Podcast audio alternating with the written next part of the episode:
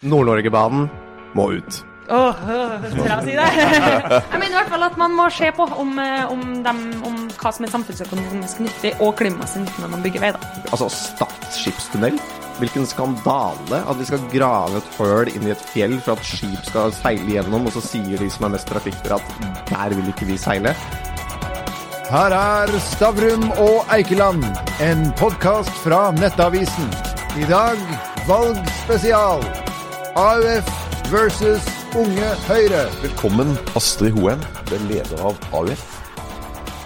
Da du var 16 år, måtte du gjemme deg i en hule på Utøya for Anders Behring Breivik. Hva har det gjort med deg?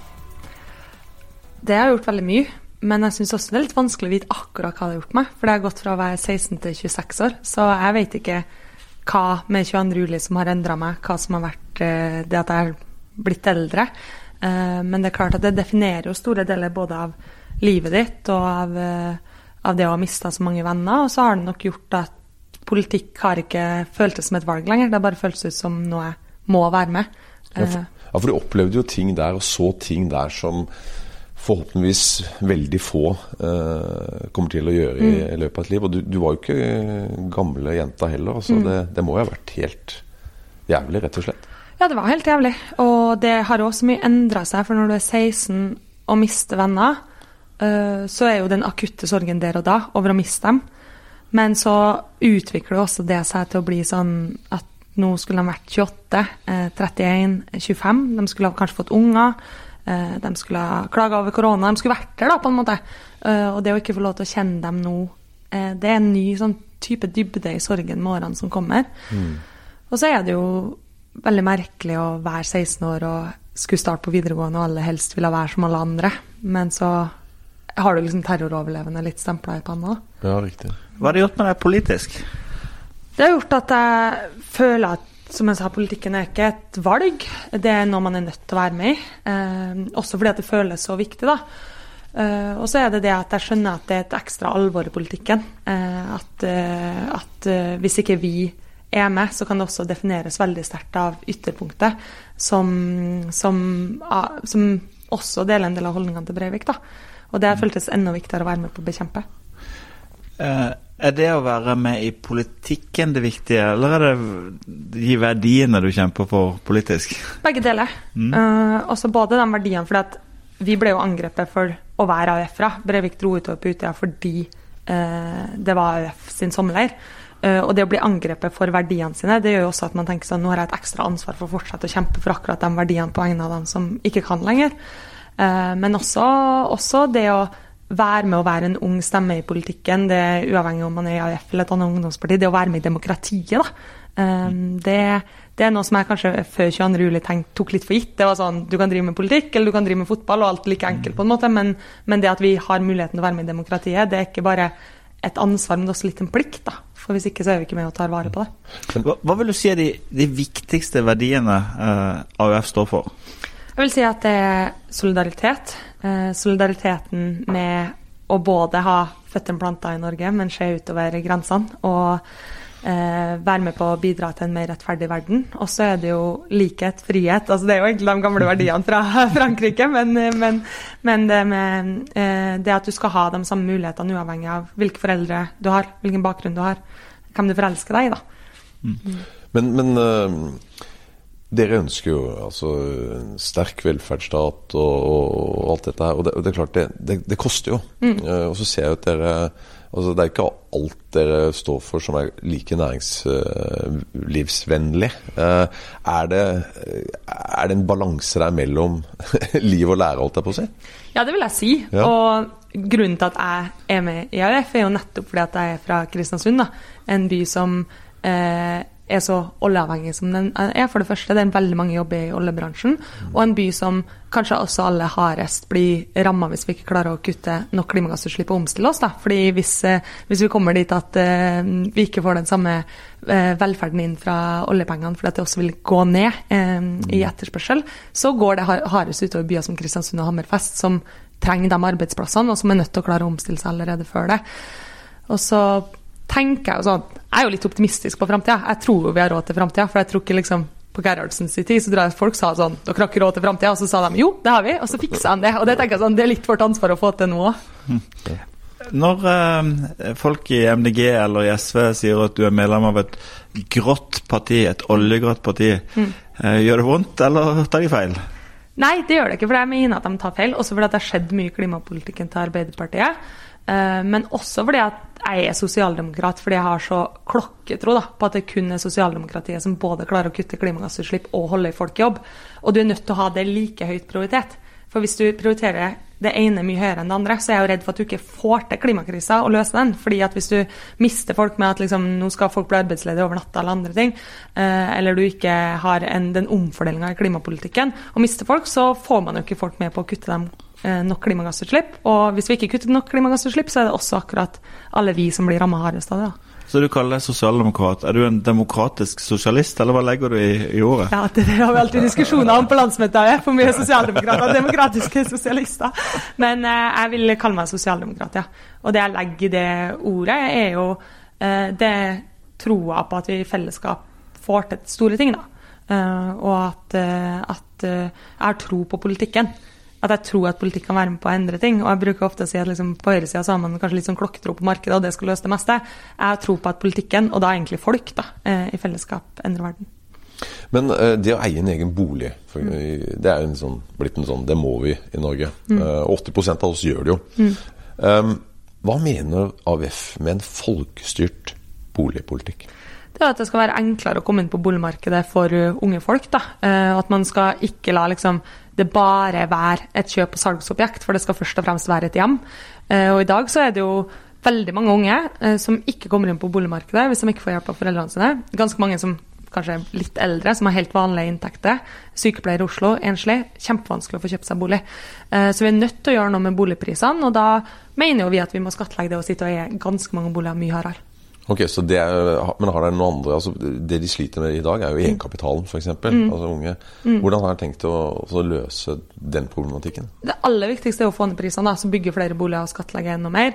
Og så eh, mener vi jo at vi må bruke Husbanken mer aktivt, og det kommer litt den folkelige boligpolitikken inn. At du må ha noe som er litt mer politisk styrt, som du kan få billigere lån fra, som du kan eh, lene deg på da, i større grad enn du kan på andre ting. Men du sa eh, få ned prisene. Mm. Men hvem går det mest utover? Det er jo ikke disse spekulantene eller de som har to, tre, fire, fem boliger. Altså de, de er jo stinn av grunn. Det er jo de som er allerede altså nye nå det siste året, de siste to-tre årene.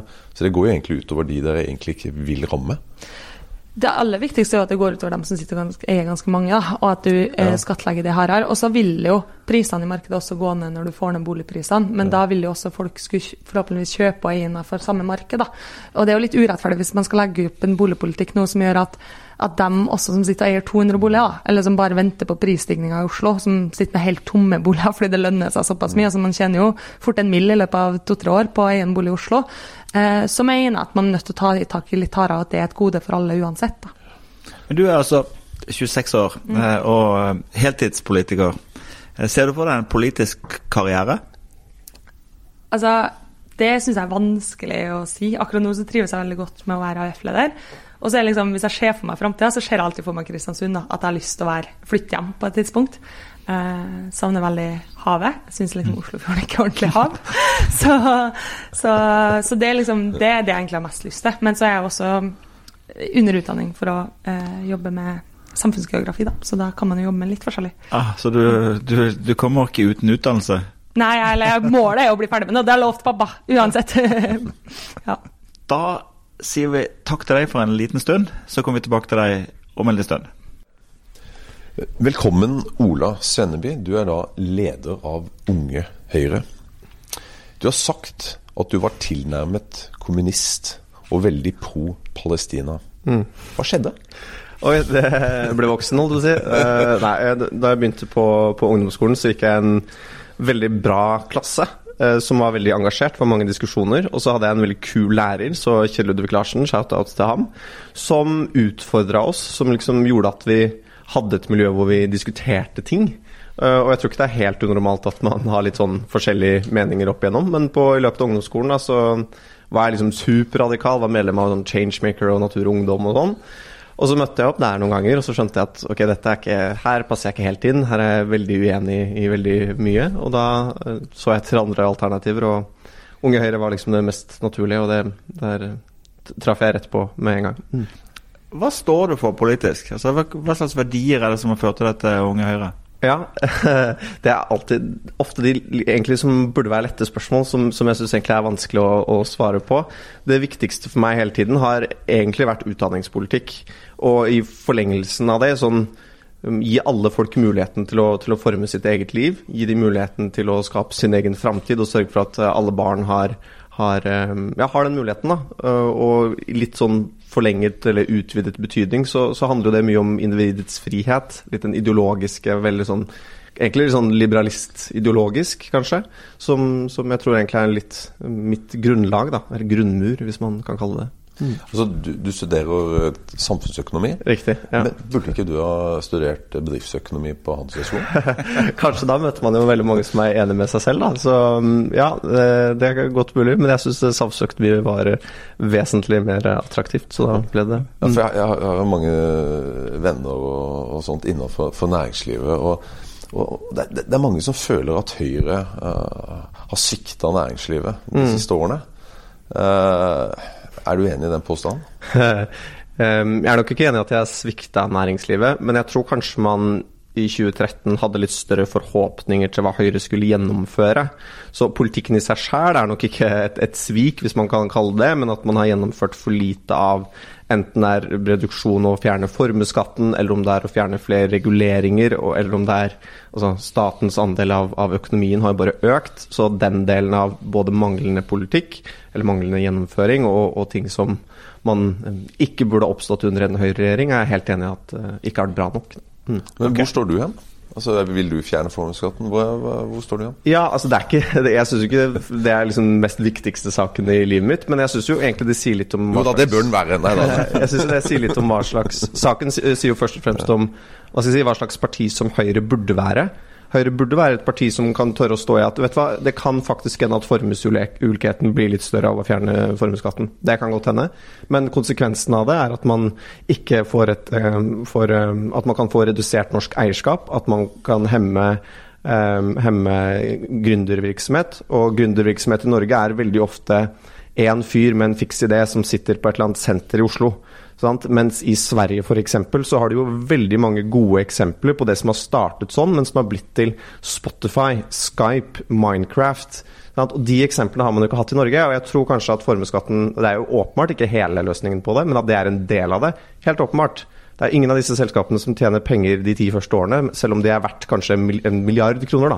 Så, så jeg mener at Høyre burde ha fjerna hele formuesskatten. Men jeg tror bare man kom helt feil ut. Man burde bare gjort det med en gang, og så burde man redusert, eller hevet bunnfradraget fremfor å redusere prosentsatsen. Tror jeg hadde vært en, en, en sånn taktisk smartere idé, i hvert fall. Hva vil du si er de bærende ideene til Unge Høyre? Altså Kjerneverdien vår er frihet, mangfold og toleranse. Det er liksom det vi, det vi identifiserer oss selv med. Og så tror jeg Unge Høyre er eh, Vi er liksom en samling av veldig mange forskjellige grupper som, som er enige om noen, noen, noen, verdier.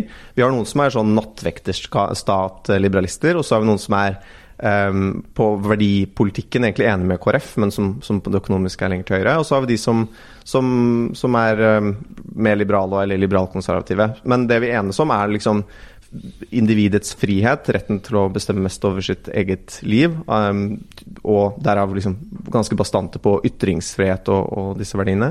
At man skal ha høy takhøyde for politisk uenighet. Én ting er ut, utad, men også innad i, i organisasjonen. Og at man mener at mangfold også er bra, ikke nødvendigvis dagens mangfoldsdebatt så handler det om hudfarge og religion og sånn, men for oss så handler det veldig mye om retten til å kunne, kunne være seg sjæl, retten til å kunne mene forskjellige ting, og at man må ha en toleranse og høyt tak, takhøyde for det. Mm. Mm. Altså, vi, vi, så jo at det var litt sånn offentlig krangel mellom uh, ja, en Høyre-statsråd og en uh, parlamentariker for Høyre her bare for en ukes tid siden. Mm. Uh, er det illojalt å, å, gå ut sånn og, og, og, ja, og rett og slett trosse uh, sin egen regjering og Erna? Nei, jeg vet ikke helt hvilken Jeg tenker på det Tetzschner som sto der. Oh, ja, og, ja, ja. ja. Nei Jeg syns ikke, ikke sånn prinsipielt syns jeg ikke det. Overhodet ikke. Altså, I Norge så skal makten, den utøvende makt, uh, utgå fra Stortinget, så det skal være Stortinget som bestemmer. Og jeg mener at Høyre også, som parti, og Unge Høyre, snakker veldig mye internt om at vi skal ha stor takhøyde. At det skal være enige om å være Eh, liksom, lov å være uenig med partiledere, med eget partilag. Eh, det er jo ganske vanlig i Høyre å fristille stortingsgruppa under sånn etiske spørsmål osv. Så, videre. så at man skal ha rom for det, mener jeg det skulle egentlig, egentlig bare mangle. Høyre har jo en litt særegen partikultur, egentlig, hvis du sammenligner med Arbeiderpartiet. Um, og det gjelder også Unge Høyre, hvor våre fylkeslag står veldig fritt til å mene det de vil om, om det aller, aller meste. Så det syns jeg er et, et gode. Føler, føler, du at uh, Unge Høyre får, uh, får bra uh, gehør og gjennomslag hos Erna og, og, eliten? Ja, jeg syns, syns egentlig, egentlig, det, altså. Um, og så er det jo det er jo alltid, alltid, ting vi taper som vi kunne ønske at vi vant. Men hvis man så på partiprogrammet vårt i år, så var det veldig mange av de skolesakene eksempel, som Unge Høyre tidligere har kjempet gjennom på landsmøtet, lå i programmet fra før av. Ruspolitikken, den endringen Høyre gjorde der, tror jeg ikke hadde skjedd uten Unge Høyre.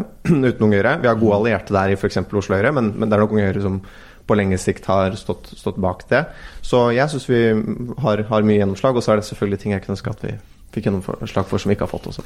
Eh, litt om deg, din bakgrunn. Mm. Hvor kommer du fra? Jeg er fra Våler i Solør. Det er mellom Elverum og Kongsvinger. Det er ganske få som veit hvor det er. Men så har jeg gått på barneskole i Elverum, og så har jeg gått på ungdomsskole på Hamar, og så har jeg gått på videregående i Oslo. Men det er liksom Hedmarken, eller Hedmark, da, som er, som er hjemme. Da må jeg bare spørre deg, skal vi skyte flere ulv? Unge Høyre sin offisielle standpunkt er, er, å oppheve ulvesona, faktisk, og ha vanlig forvaltning på ulv som man har på bjørn, f.eks. Så, ja. Så du er ikke enig med Unge Høyre i alt? Uh, nei, jeg er nok ikke det. Altså. altså. jeg er oppvokst Jeg er fra gard. Jeg har odel, og den garden ligger i, uh, i ulvesona. Driver ikke med dyr, riktignok, men uh, man blir jo litt påvirka hjemmefra. Så da er du enig med Slagsvold jeg er nok ikke helt enig med han, tror jeg. Men jeg tror nok Uansett av hva man mener om ulv eller ikke, så mener jeg et problem for Norge at man har såpass mange bønder og, og innbyggere på bygda som har sånn total mistillit til statlig forvaltning og politikere. Så kan man være enig eller uenig om ulv, men det er i hvert fall et, et stort problem. Men du kom altså levende fra dette, og da jeg lurer på eh, Ser du på deg en, en, livslang karriere som politiker? Oi. Nei, jeg gjør egentlig ikke det. Hvis jeg ser for meg hva jeg gjør når jeg er 50, så tror jeg ikke nødvendigvis det er politiker. Men eh, det føler jeg er litt sånn alle de som sier det, er de som ender opp med å bli det, på en måte. Og det er også typisk sånn politisk korrekt, korrekthetssvar man gir hvis man ikke tør å være ærlig. Men eh, drømmejobben min er ikke å være politiker, men jeg syns det er veldig gøy nå. Og så er jeg som mål å være med så lenge jeg syns det, det, er morsomt. Mm.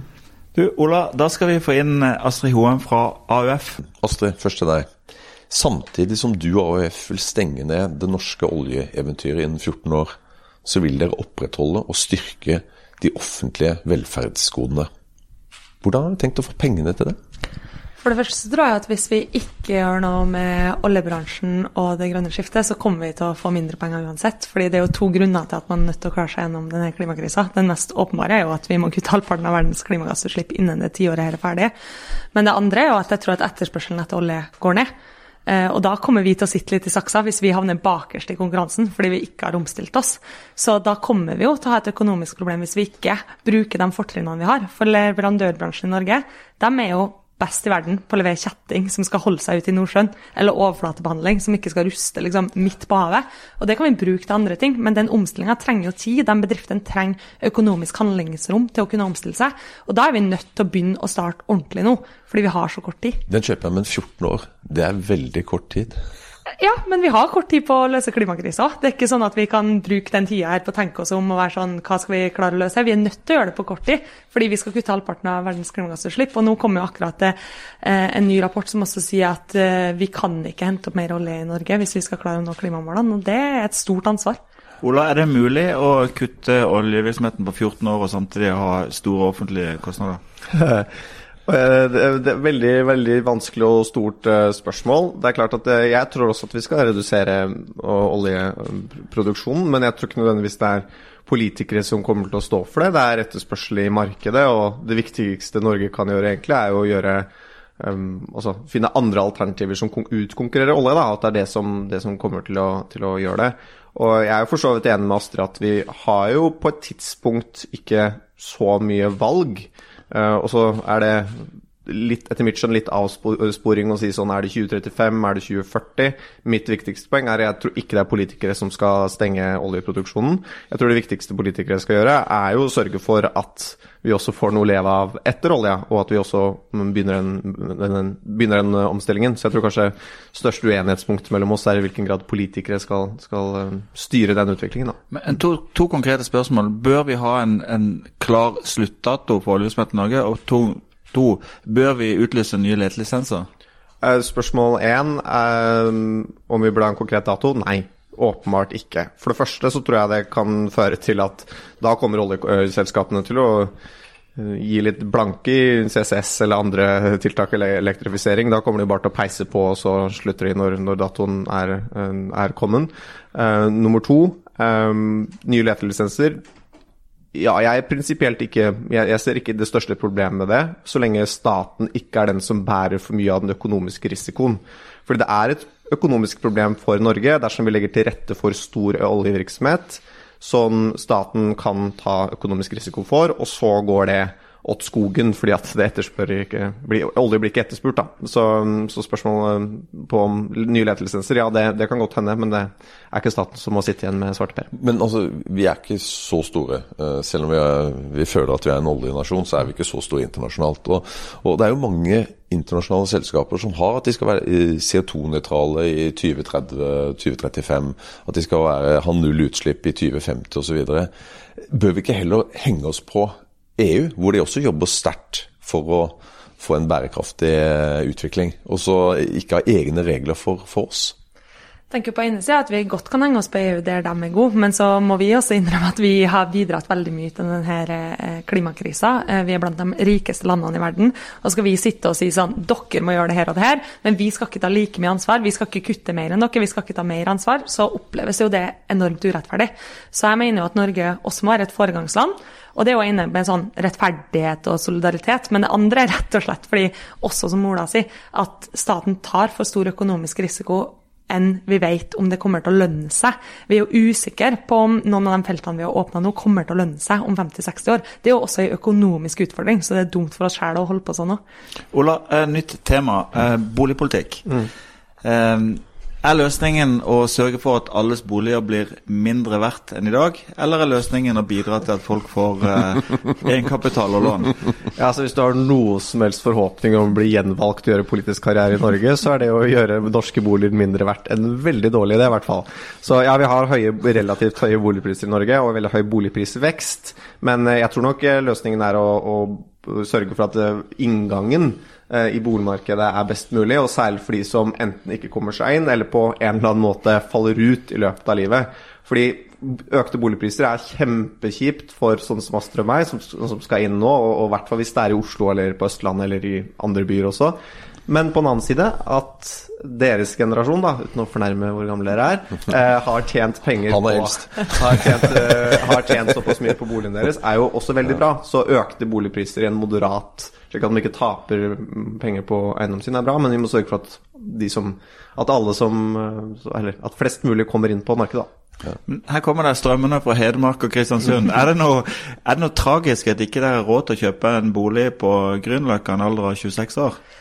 Altså Hvis du ser på forskjellen mellom foreldregenerasjonen vår og oss, så er det jo helt enormt. Og ofte når man snakker liksom om en bortskjemt ungdomsgenerasjon eller andre ting, så tenker jeg sånn Nei, det er faktisk generasjon 50 pluss som har hatt det best i Norge. Man har kjøpt billige boliger, man har hatt ganske stor prisvekst i det. Man kommer til å sitte igjen med en OK pluss pensjon. Vi kommer ikke til å kunne kjøpe oss inn på boligmarkedet på samme måte. Mest sannsynlig ikke oppleve den samme prisveksten i det hele tatt. Og i tillegg sitte igjen med ganske mye mindre pensjon hvis man sjekker pensjonskalkulatoren for oss som er i midten av 20-åra. Eh, så, så, jeg tror liksom at eh, også foreldregenerasjonen må skjønne at vi forventer jo egentlig bare å få de samme mulighetene som det våre foreldre hadde. Og det får vi ikke per nå. Jeg er jo helt enig med deg. Mm. Altså, Gunnar og jeg, vi har vært privilegerte. Det, det er ikke noe tvil om det. og ja Halleluja for det. Men Halleluja for det. ja, det er jeg fornøyd med. Men, men altså, er løsninga For du, du, nevnte i sted at uh, boligprisene bør ned. Men mm. da kommer jeg tilbake til det. Det går jo utover din generasjon, de som kanskje er noen få år eldre enn deg, som akkurat har kjøpt. Altså Det er jo de som får gjennomgå. Om boligprisene faller 10 gjør ikke noe for Gunnar og meg. Ikke sant? Ja, Ser du altså- ikke det? Jeg, synes altså, jeg ser poenget, men så tenker jeg også at bolig i størst grad da, skal være et hjem. Og når du skal kjøpe og selge bolig innenfor det samme markedet, eh, så er kanskje det at prisveksten stagnerer litt, eller går litt ned, ikke like farlig hvis du også kan kjøpe deg opp for en litt billigere penge. Altså Hvis du kjøper i Oslo, da, hvis du har råd til det, og så bestemmer du deg for etter en stund at du skal flytte hjem til Kristiansund f.eks., altså, da kan du jo kjøpe en ganske stor villa, for du kjøper i et annet boligmarked. Men hvis du får ned liksom prisveksten i et boligmarked, så vil jo det også kunne gagne dem som også vil videre fra det ettromsen på Grünerløkka til kanskje å ha to eller tre soverom, da. Men, jeg, men jeg tror ikke bankene er like solidariske som, som deg når eh, du begynner å slite med å betjene lån og du ikke har den sikkerheten som de, de krever. Og Da får du det ille, for da plutselig er det ute Sånn som faktisk fra vår generasjon opplevde på slutten av 80-tallet, hvor det var faktisk tvangssalg av, av boliger fordi at ikke, altså boligprisene falt for mye. Og det må man jo prøve å unngå. Og så må man også prøve å unngå at man regulerer såpass mye at man kjøper liksom en bolig der man betaler 300 000 under bordet utafor liksom markedet. Men, men man er nødt til å regulere mer enn man gjør i dag. fordi man har liksom fått et boligmarked som vi tenker er noe annet enn politikk. Da. Det er liksom et rent marked, og det skal vi ikke politisk drive så mye med. Og det tror jeg er en veldig farlig utvikling, fordi da hva med neste generasjon igjen, da? Når vi ser hvor mye man sliter bare med å få kjøpt i Oslo i dag, da. Ola, når dere tok over for snart åtte år siden, så eh, var jo offentlig sektor mye mindre enn i dag. Eh, Vi betalte mindre skatter i året enn vi gjør i dag. Eh, Hvor skal vi kutte? Det, det, du har jo helt rett, men det er sånn for alle i Høyre, og særlig unge Høyre, så er det litt vondt å bli påminnet det, for oss som husker valgkampen i, i 2013.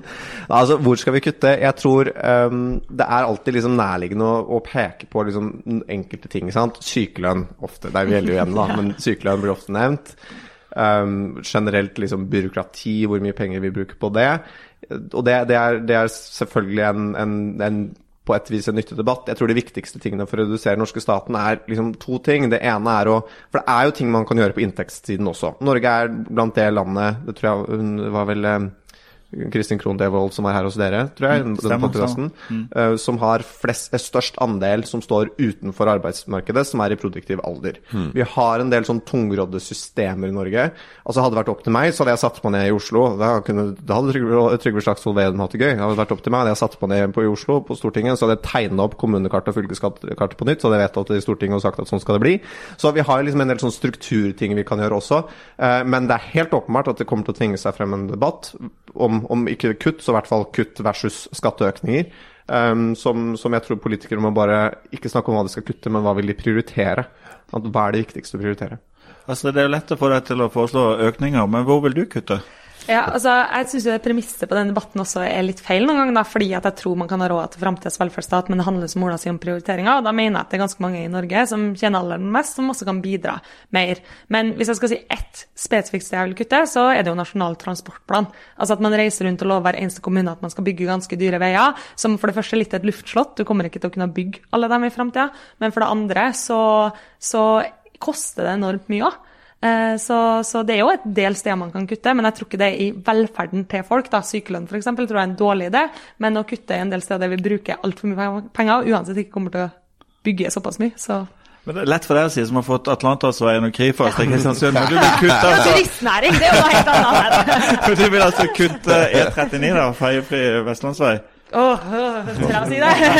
Jeg mener i hvert fall at man må se på om, eh, om, dem, om hva som er samfunnsøkonomisk nyttig og klimamessig nyttig når man bygger vei. da. Svaret der er ja. Ola, det må, det må du være enig i som samfunnsøkonom. ja, ja. Jemini, så mye, så mye veier dere har bygd som ikke er samfunnsmessig lønnsomme. Altså, jeg, skal ikke, jeg, jeg vil bare ha meg frabedt å titulere meg som samfunnsøkonom. Så mange eksamener har jeg ikke avlagt, bare for å si det.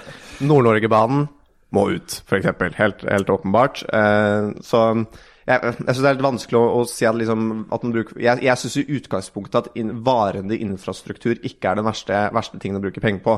Men så er jeg helt enig i at det er ting Altså, Stad skipstunnel. Hvilken skandale at vi skal grave et høl inn i et fjell for at skip skal seile gjennom, og så sier de som er mest trafikkdere at der vil ikke vi seile. Det, det liksom, det kommer til å stå igjen en sånn, som en sånn mastodont over hvor mye penger vi brukte før i tiden. Så det blir kanskje turistmål, det også. Der kan man se hvor, hvor godt vi hadde det før i tiden. Så um, jeg, jeg syns vi skal bygge vei og bane. Eh, Det er bra med kollektivt og sånn, eh, men eh, helt åpenbart noen sånne gigantiske prosjekter som vi kan droppe. Eh, vi, vi må begynne å nærme oss eh, slutten, men jeg spørre om utdanningspolitikk. Eh, eh, hva er galt i at noen altså Når du får lov til å lage Montessori-skoler og Steiner-skoler og alt verdens gale ting, hvorfor er det galt at noen lager skole som skal bare være flink til å lære bort matte og, og engelsk og norsk?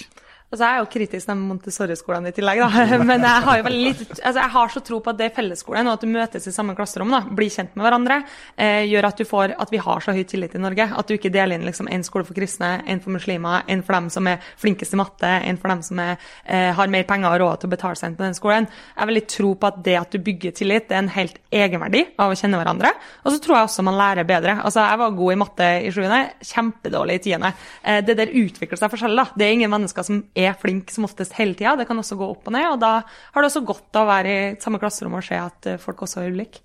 Er det noen liberalister igjen i Unge Høyre når det gjelder skolepolitikk? Ja, det er nok det.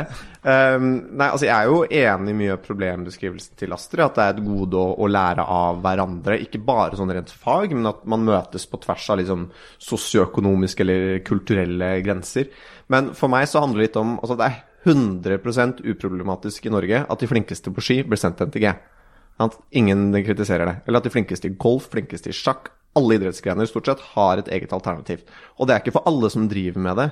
Det er ikke for alle som er flinke, flinke, i det, men det er for at de som har lyst til å dedikere livet sitt, eller deler livet sitt på den interessen, skal få lov til å ha det tilbudet.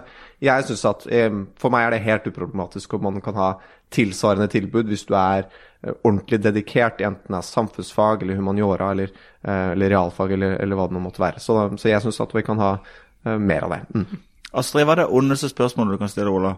Det ondeste spørsmålet? Eh, da tenker jeg jo hvordan det føltes å være med på å skrenke inn abortloven eh, for å få KrF inn i regjering. Og, eller ikke gå inn for å fjerne homoterapi. Ouch! ok. Og du? Det ondeste til Astrid? Oi. Nei, det, det, det, er veldig Det vet jeg ikke. Uh, ja, hvordan er det å slippe kommunister inn i regjering? Det er sånt, da. Det er sånt. Det. Du fikk Stavrum og Eikeland, en podkast fra Nettavisen.